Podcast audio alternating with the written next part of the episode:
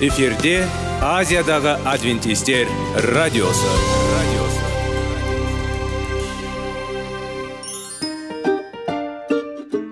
сәлем достар. Денсаулық өмір бұлағы және біздің бірінші байлығымыз демекші денсаулық сағаты рубрикасына қош келдіңіздер. Біздің рубрикада біз әртүрлі факторларменен мәліметтерменен кеңестерменен бөлісіп шын жүректен сіздердің дендеріңіз сау болғанын қалаймыз. Сол үшін біздің рубрикаға қош келдіңіздер. Дайындалып тұрыңыздар. Өйткені келесі минуттарда қызықты фактілерге ие боласыздар. Енді достар ең бірінші байлығымызды қолымызға алып алға кеттік.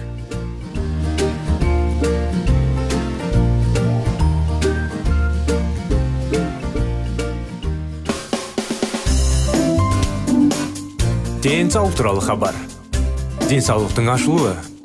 Күн сайын сөз үшін күшті кеңестер соңғы жаңалықтар қызықты факторлар. Біздің рубрикада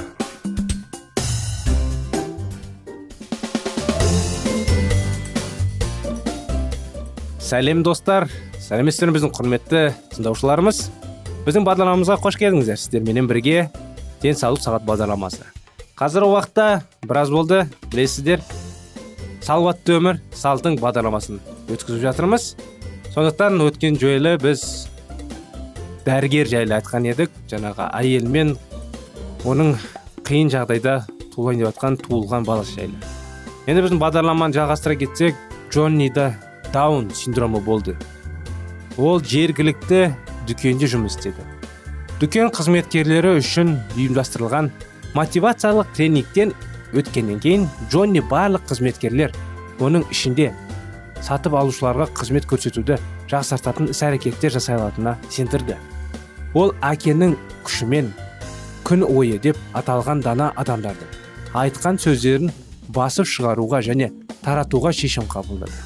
Компьютерде қызықты ойлар теріп оларды басып шығарып содан кейін кішкентай жолықтырады мұқият көрседі мид джонни оларды өз клиенттеріне таратты. Бірнеше аптадан кейін менеджер көлігі барра джонни есімдерді қалайтын адамдардың кезегі бар екенін байқады. Бірақ ол пакеттер бойынша олардың өнімдерін өлшеп ордады сатып алушыларға басқа кезекке көшуді ұсынғанда олар джонни ойынның бүгінгі күні алғысы келетінін мәлімдеп бас тартты. Көп ұзамай дүкеннің басқа қызметкерлері сатып алушыларды тарту үшін не істей алатынын ойлай бастады. Мысалы флористер сынған сабақтарды бар гүлден шағын композициялар жасап оларды сатып алушылардың пальтосына бекітті. Клиенттердің қанағаттануы мен адалдығын көп ұзамай өсті. Бірақ олар жоғарғы бағаланып компанияда қызмет көрсету мәдениетін арттырды. Джонни өмір сүрудің барлық мүмкіндіктерін толық пайдалана алмады. Бірақ ол өз әлеуетін барынша пайдалана алды. Таңдау еркіндігі адамның негізгі құқықтарының бірі. Алайда біз таңдай алатын тен мүмкіндіктерге ие емес. Маған африкалық аулаларда болу керек еді. Онда мені кішкентай лахматиде балалар қоршады.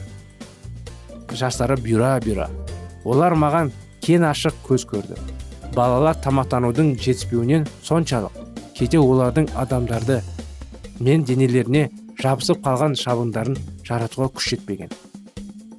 Бұл балалардың қандай таңдауы бар? Мен оларды өз балаларыммен және достарымның балаларымен салыстырдым. Білім алу мүмкіндіктері шектеулі. Олардың рационы бұршақ және кішкентай кішкентай күріштен тұрады. Бірақ жазу әлемге келетін кез келген адамдар ағартатын шынайы жарық болды. Келі рухтың бұл жарық иса мәсіхтің рақымын ашады. Біз құтқарушымыз сыйлай аламыз. Достарының бірі алкоголь болды. Ол спирттен темекіден кофеин мен есірткіден аулақ болды. Оның отбасы ұрпағы төрт есіртке тәуелді болды. Менің таңдауым болды ма? Еңбек қымыздан ол. Мен бүгін ол көкке еркіп деп айта алмадым. Оның өз таңдауы сайып келгенде кім екенін анықтады. Ол менде қандай мүмкіндіктер бар? деді. Әрине осындай тұқым қаулышылыққа байланысты олардың тізімі қысқарған.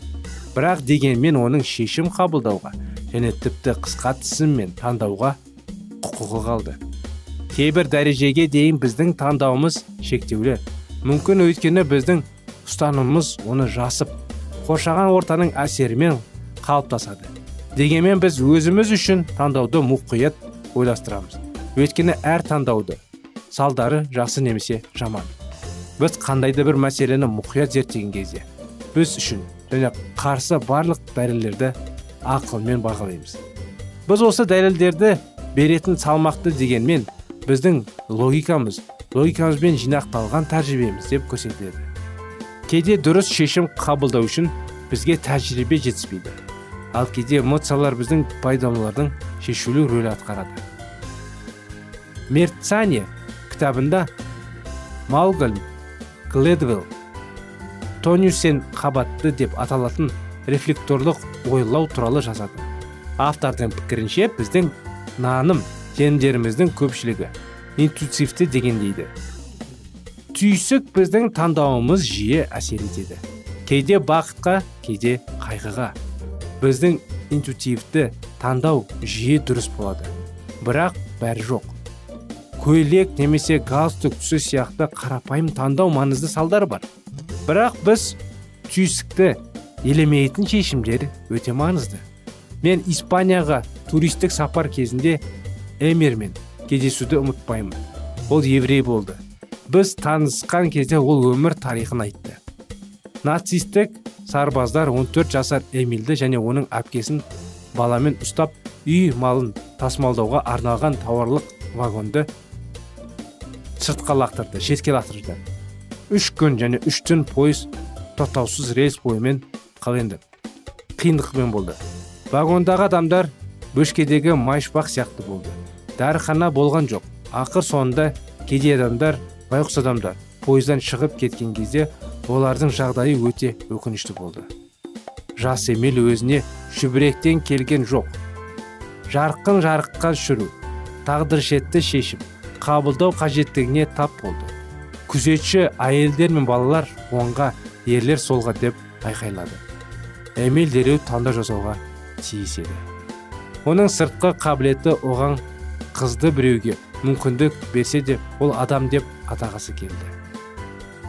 Кейін емел өзінің бас ормалмен жабылған әпкесі боланың қолында ұстап басқа әйелдермен балалармен бірге тағдырға дайын өлімді қабылдау үшін газды камереге бояу бетпе бет келіп тұрғанын көруге тура келді.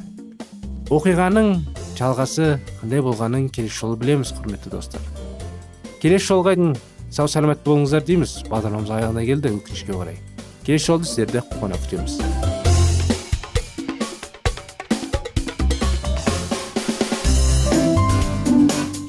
Денсаулық туралы хабар. Денсаулықтың ашылуы. Күн сайын сөз үшін күшті кеңестер соңғы жаңалықтар қызықты факторлар біздің рубрикада.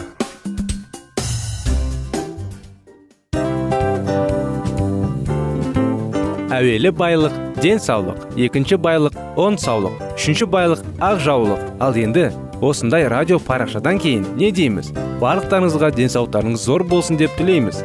Денсаулықтың өзгеруі кішкентай нәрселерден басталады. Осымен біз берген кеңестер мен мәліметтер шын жүректен сіздер үшін қандай да бір болсын жәрдем берді деп үміттенеміз. Тыңдаушыларымызбен келесі радио парақшасына дейін қоштассамыз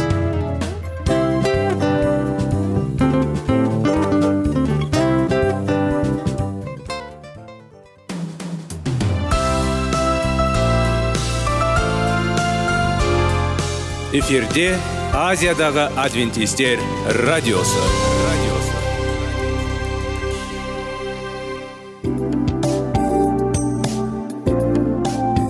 Сәлем достар. Барлықтарыңызға шын жүректен сөйлесек рубрикасына қош келдіңіздер деп айтпақшымыз. Шын жүректен сөйлесек бағдарламасы әртүрлі қызықты тақырыптарға арналған. Шындығында шын жүректен сөйлесек деген сөздің мағынасы екі достың екі адамның ортасындағы шын жүрекпен сөйлесуі бір біріне сенуі ашықтық пен шындықты білдіреді. Сол үшін біздің бағдарламалар әртүрлі қызықты тақырыптарға арналған. Дайындалыңыз жаңа қызықты мәліметтерге ие болуға. Ондай болса кеттік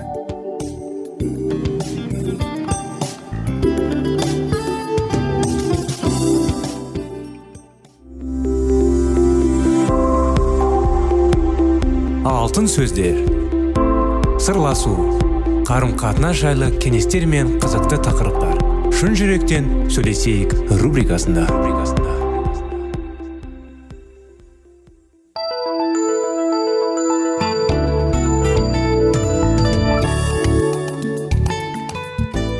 Сәлем достар. Армысыздар құрметті радио тыңдаушыларымыз. Біздің сіздермен бірге шын жүрекпен сөйлесейік бағдарламасына қош келдіңіздер.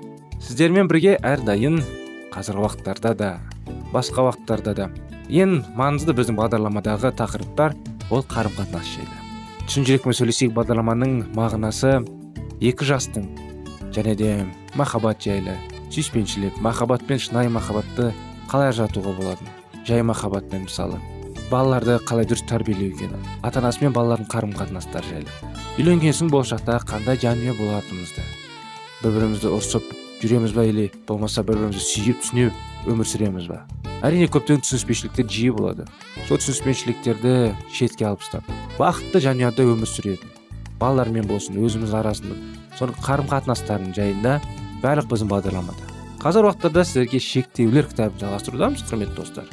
Қазіргі қалаулар жайлы әңгімені айта кетсек кешіріңіздер кішігірім тақырып шығады қалаулар жұбайлардың әрқайсысы өзі жауап беруге тиісті тұлғаның тағы бір қыры. Сьюзан джимнің үйде болғанын қалғандықтан ашуланды. Ол күйеуінің кешігіп келуіне келгеніне үшін жазғырды? Олар кеңес алуға келген кезде. Біздің әңгімеміз былайша өрбіді. Сьюзан айтырыңызшы сіз джимге не үшін ашуланасыз? Деп сұрадым мен. Өйткені ол жұмысынан кешігіп келеді деп жауап берді. Бұл себеп бола алмайды дедім мен. Адамдар өзге адамдардың ашылуған мәжбүрлей алмайды. Сіздің ашуыңыз жан дүниеңізден шығып тұр. Мұнымен не айтқыңыз келеді? Үйге кеш келетін күйеуім ғой. Ал егер осы кеште сіз өз құрбыларыңызбен кездесуді жоспарлап қойған болсаңыз онда оның кешіккеніне ашуланар ма едіңіз? Менің ойымша ашуланбас едім. Бірақ бұл басқа нәрсе ғой. Неге басқа нәрсе? Сіз өзіңіздің ашуларыңыздың себебі оның кешігіп келгендігі екенін айттыңыз. Ал енді егер ол кешігіп келсе сіздің оған ашуланбайтыныңыз белгілі болды. Енді бұл жағдайда ол менің жаныма бататын еш нәрсе істемейтін еді. Олай емес дедім мен. Бұл жағдайда сіз жай ғана оның өзіңіз үшін істегісі келмеген нәрсеге мұқтаж болмайтынын едіңіз. Сіздің жаныңыздың оның кешуге емес өзіңіздің орындалмаған қалауларыңызға ауыртады. Бұл жердегі мәселенің тамыры қалаулар үшін кімнің жауапты екендігінде. Бұл оның емес сіздің қалауыңыз. Яғни оның орындалуына сіздің өзіңіз жауаптысыз. Өмірдің ережесі осындай. Бір біз қалғандарымыздың бәріне қол жеткізе алмаймыз. Бірақ біз олардың орындалмағаны үшін өзгелерді жазғырмай ол үшін өзіміз қайғыру тиіспіз. Ал қарапайым құрметші жұмыс уақытынан кейін кеңседе қалып тағы жұмыс істеу өзімшілдік қой дедім сьюзан кейде оның кештеп жұмыс істегісі келеді ал сіз оның үйде болғанын қалайсыз? Сіздердің екеуіңіз де өздеріңіз үшін бір нәрсені қалайсыздар. Сондықтан сізді де өзімшілдік жасады деп айтуға болады. Бірақ шындық мынау сіздердің ешқайсыларыңыз өзімшіл емессіздер. Жай ғана сіздердің қалауларыңыз қақтығысып қалады. Ал ерлі зайыптылық өмірдің мақсаты қайшы келіп қалған қалауларға ортақ тиімді шешім қабылдау болып табылады. Дәл осы жағдайда ешкім кінәлі емес еді. Джимнің де сьюзанның да өз қажеттіліктері болды. Джимге кештеп жұмыс істеу қажет болды. Ал сьюзан оның үйде болғанын қалады. Мәселе біз өз қажеттіліктеріміз бен қалауларымыз үшін өте біреуді жауапты етіп олардың орындалмаған үшін соны кіналаған сезімді туындайды. Өзіміз бере алатын нәрселерімізге шектеу қою қажеттілігі қажеттігі қалай айтсам біз шектеулі жартылас иелеріміз және жүректеріміздің шешіміне сай еш ренжісіз беруге тиіспіз. Берген кезімізде ашуымыз келетін сәттерімізді анықтауымыз қажет. Өйткені ашу біздің сүйіспеншілік пен беріп тұрмағанымызды білдіреді. Қиыншылықтар біз өзімізде шектейтін еш нәрсемізді жоқтығы үшін өзгелерді кінәларға сезімізде басталады. Ерлі зайыптылар көбіне өздерді қалағаннан артық істейді де. Содан соң тоқтау салмағының үшін жұбайына ашуланады. Бобтың басында дәл осындай жағдай болды. Оның әйелі нэнси үйлерінің мінсіз болғанын қалады. Ол үй ішінде жиі өзгерістер жасайтынды. Бобтың басқа еш нәрсе істеуге уақыты қалмайтын. Ол әйелінің жобаларына наразылық таныта бастады. Кеңес алуға келген кезінде мен одан ашуының себебі жайында сұрадым. Себебі ол өте көп нәрсені қалайды. Өз шаруашыларыма мүлде уақыт таба алмайтын деді ол.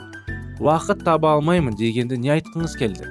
Оның артында тапқым келмейді деген сөз тұрған жоқ па? Жоқ таба алмаймын. Егер мен оның айтқан жұмысын істемесем онда ол артын алар еді. Бірақ бұл оның мәселесі ғой. Ашу оның өзінікі. Иә бірақ мен оған құлақ асуға тиіспін. Жоқ олай етуге тиіс емессіз дедім мен. Оның ерліктерін көтеруіне не көтермеуді оның күлкініне түзеу не түзбеуді сіздің өзіңіз шешесіз. Ол үшін бір нәрсе істеп уақытыңызды жұмсаған сайын сіз оған сыйлық жасайсыз. Егер сіздің ол іспен айналысқыңыз келмесе онда оны істеуге міндетті емессіз. Бұл үшін оның кінәлау сізді доғарыңыз. Бобқа бұл айтқандарым ұнаған жоқ. Ол әйелінің өзің бір нәрсе істеуге мәжбүрлеуін тоқтатқанын қалады. Бірақ оның жоқ деп айтуды мүлдем үйренгісі келген жоқ. Үйдегі жөндеу жұмыстарына аптасына қанша уақытыңызды бөлгіңіз келеді еді деп сұрадым мен. Сәл ойланып қалған ол төрт сағат. Сонда мен оның кейбір өтініштерін орындай алмамын және шаруаларында уақытым болады деп жауап берді. Онда әйеліңізге осылай деп айтыңыз. Оның сіз бөлген уақытыны қалай пайдаланса да өз еркі. Бұл оқиғаның әрине жалғасын келесі жолы жалғастырып берейік құрметті достар. Қазіргі бағдарламамыз уақыт аяғына келді. Сіздерге келесі жолға дейін сау саламат болыңыздар дейміз.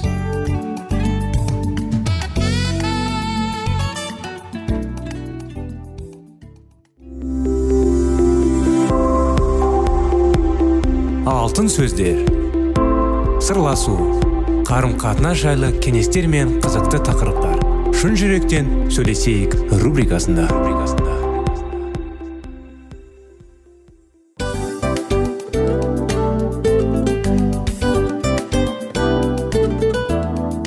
Құрметті достар барлық ең соңғы кеңестер аяқталған соң біздің программамыз соңына келіп қалды. Осы біздің мәліметтер осы рубрикада айтылған әрбір сөздер сіздерге өзінің қандай да бір пайдасын алып келді деп шын жүректен сенеміз. Және бұдан да көптеген рубрикаларымыз бар. Басқа рубрикаларымызда біздің зерттеулерімізде сіздер үшін тағы да қызықты мәліметтер дайын. Біздің шын жүректен сөйлесейік парақшамызда көптеген әдістер ең соңғы кеңестер адамның нравственность жақтан моральдық жақтан тазалап байыта тұрған соңғы кеңестердің барлығын жанарады. Сондықтан алдыңғы күндерде бізбен бірге болыңыздар. Өйткені барлық қызықтар алдыда. Бізбенен бірге болғандарыңызға үлкен рахмет. Келесі кездескенімізше сау сәлемет болыңыздар.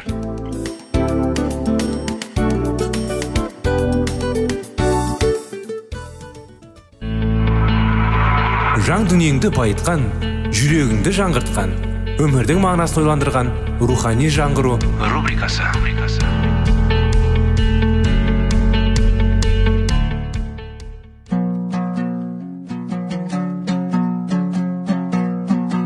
Ассалаумағалейкум біздің тыңдаушыларымыз. Келі кітаптың шындығын ашып берген қысқа бағдарламасына қош келдіңіздер. Барлығынан жоғары жаратушы біздің қарыңғылықта жалғыз қалдырып қойған емес. Өйткені ол келешекте не болу керек екенін киелі кітаптың парақтарында ашып береді. Немесе келіңіздер бізге қосылыңыздар. Жаратушы бізге нен ашып бергенін зерттейміз. Сәлеметсіздер ме ассалаумағалейкум армысыздар құрметті достар. Құрметті біздің радио тыңдаушыларымыз қош келдіңіздер. Біздің рухани жаңғыру бағдарламамызда сіздерді көргенімізге қуаныштымыз. Біздің бағдарламада сенуді қалай үйренеді деген тақырыпты бастаған едік. Соны жалғастыра кетсек әрине кей кезде арамызда алдымызда сұрақтар туады неге біз дұға етуіміз керек? Неге біз сүйінуіміз керек? Біз тізеге тұрып неге құдайға қандай да бір жолмен жеткеннің дәлелі бар ма? Өйткені ол біздің дұғаларымызды не қалайды? Сонымен қатар келі кітапта құдайды біз туралы дұға етер алдында не қажет екенін біледі дейді емес пе? Сонда не үшін дұға етесіз мен бұл барлық сұраққа сұрақ екенін білемін. Бірақ дегенмен олар жауап талап етеді. Және біз осы кітаптың соңғы бетін бұрғанға дейін оларды таба деп үміттенемін. Бірақ алдымен құдайдың ұлы мұнажатты өте маңызды іс деп санап оған құлшылыққа түспеу үшін сергектеп дұға етіңіз дейді. Бұл жерде құпия бар. Дұға құдай бізге қажет. Ол бізге құдайды жоя алмайды. Ал біздің оған апаратын және оған ұйымдауға көмектесуі тиіс. Ол кез келген уақытта біз не қажет екенін беруге дайын. Бірақ құдай бізге пайдалы екенін біледі. Сонымен қатар егер біз сеніммен бізге бергісі келетіндерімізді сұрақ оны қуантады. Менің әкем оған рұқсат сұрай ма? Бірден алса риза емес еді ал сұрағында ол менің әрбір өтінішімді орындады. Осыдан әңгіме өзара құрмет пен сүйіспеншілікке ықпал етеді деген қорытынды жасауға болады. Қалай болғанға да мен исаның тағы бір сөзін келтіргім келеді. Егер сіз зұлымдық бола тұра балаларға сіздің балаңызға игілік бере білесіңіз оның үстіне әкенің сұрайтындарға игілік береді. Бұл уәденің соңғы үш сөзі өте маңызды. Егер біз оны сұрамасақ ол бізге береді ме? Ал мұндай әңгімелерді сирек естуге болмайды. Мен бүгін жұмыстың орындау үшін төрт сағат жұмсадым. Егер менде электродель болса онда оны екі есе жылдам және тезірек бітірер едім. Электродрель менде бар. Мен оны бере алар едім. Ал міне неге сен ол туралы бұрын айтпадың? Кешіріңіз бірақ мен саған қажет екенін білмедім. Өйткені сен ол туралы сұрамадың ғой. Кешіріңіз оқырман біздің достар салыстыру үшін бірақ құдай мен біздің арамызда осындай нәрсе болса өте жаман. Өйткені біз оның мұқтаждықтарының барлығы бар екенін білеміз. Және ол бізге қажетінің бәрін беруге дайын екенін сенеміз. Сонымен онымен үнемі сөйлесейік. Құдаймен байланысты пайдаланайық. Дұға дегеніміз не? Осындай сұрақ туылуға мүмкін ара алдымызда. Мінәжат бұл біздің алыстағы сигналдар емес. Қайда және қайда құдайға және шұғыл көмек қажет болғанда бұрылу керек сиқырлы сақина емес. Дұға маңызды және тиімді күш. Ол құдаймен сөйлесу. Тікелей. Назар аударыңыз. Құдайға емес құдаймен. Дұға сөз емес баяндама емес мағынасыз сөз емес. Құдаймен сүйікті және құрметті дос ретінде ойлы ашық әңгіме алдыңғы сөйлемді тағы да мұқият оқып асықсы емес. Ол біздің сүйінуімізді анықтамасы бар. Мен дұға сөзінің орнына біз құдаймен сөйлесу деп айтқым келеді.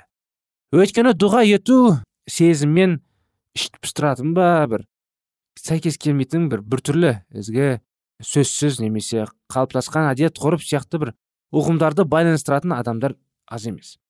Осы дұрыс емес ұғымдардан бір жола бас тартайық. Біздің сәтсіз тәжірибеміздің ұмытпаңыз. Қарастырайық. Дедол дегенмен ол болып табылады шынында. Сөзбен құдаймен қалай басқа? Оның ұнатасын. Тілін сыйласаң және оған сенсең. Егер дұға етсем яғни құдаймен бір бірімен сөйлескеніңіз келсе алдымен ол шын мәнінде сіздің досыңызға көз жеткізу керек. Біздің әңгіме. Кімнің де болса толығымен тәуелді. Сонымен қатар біз оған қарымымыз әрине электродрельді қарызға алған мейірімді көршімен ол сіздің велосипедіңізді шиналарынан ауа шығарған кезде тұрып қалған бұзақылықпен сөйлесе алмайсыз. Біздің дұғаларымыз құдайға қалай қарайтынымызға байланысты. Егер сіз оған диктірді көрсесеңіз ол адамдардан қол жетіске алмайтын. Адамгершілік биіктікті талап етеді. Және ол үшін оларды жазалайды. Онда бұл қарым қатынас сіздің дұғаңызға да әсер етеді. Сонда сіз құдайдың өзі сияқты оны жек көресіз. Егер құдай сіз үшін аспанда тұратын мейірімді қария болса онда бұл сіздің дұғаларыңызды сөзсіз әсер етеді. Мүмкін сіз әлі де өте беделді болып көрінесіз. Бірақ әлі де әрбір дұға төмен түсіп одан да қорқынышты бола аласыз. Егер сіз құдай сізді бүкіл жүрекпен жақсы көретініңізді білсеңіз егер ол сіздің әлсіздігіңізді білсе және қиындықтарды түсінеді.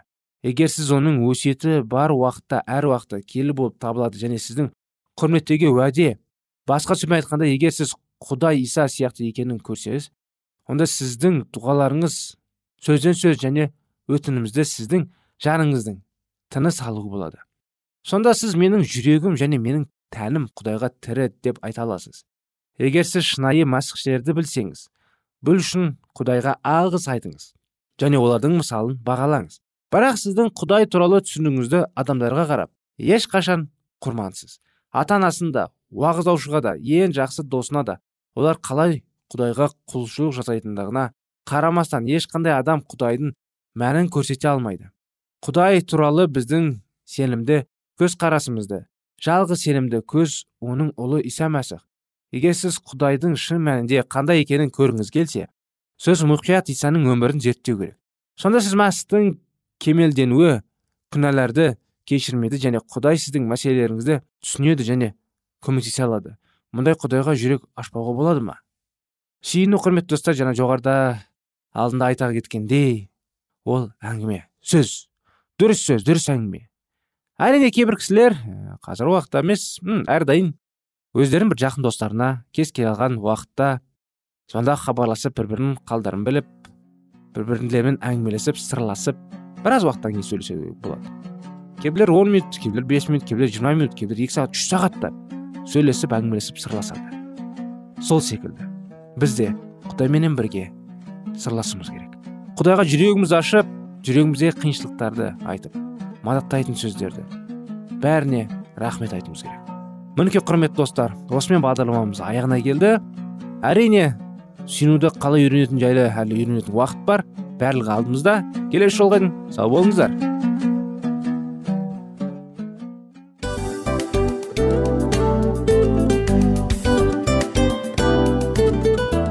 Достар біздің радио парақшамыз өзінің соңына келіп те қалды. Демек бұл программамыздың қорытындысын айта кету керек. Негізі істің басталып жатқаның қуанту керек пе? Әлде оның қорытындысы қуанту керек пе? Сіздер қалай ойлайсыздар? Меніңше қорытындысы деп ойлаймын. Себебі жасаған ісінің жемісін көріп қорытынды арқылы бағалап жүрегін қуантады. Баяғыда айтқандай бидайды сепкенде емес бидайдың жемісін жинаған кейін ыстық нанды жегенде кәдімгідей рахаттанасың ғой. Осымен біздің бағдарламамыздың аяғында тыңдаушыларымыз қандай пайда алды екен деген ойдамыз. Егерде өткен сфераларда пайдалы кеңес алған болсаңыз біз өзіміздің мақсатымызға жеткеніміз. Бүгінгі 24 сағаттың алтындай жарты сағатын бізге бөліп ардағаныңыз үшін рахмет. Келесі кездескенімізше қош сау болыңыздар. Достар біздің бағдарлама бойынша сұрақтарыңыз болса әрине сіздерге керекті анықтама керек болса біздің whatsapp нөмірімізге хабарлассаңыздар болады. Плюс бір үш жүз бір жеті жүз алпыс алпыс жетпіс. Иә достар сіздер қателеспедіңіздер бұл біздің номерлерге ұқсас болмаса да бұл whatsapp номер арнайы. Хабарласыңыздар сұрақтарыңызды қойып тұрыңыздар. Анықтаманы алып тұрыңыздар. Плюс бір үш жүз бір жеті жүз алпыс алпыс жетпіс ватсап номері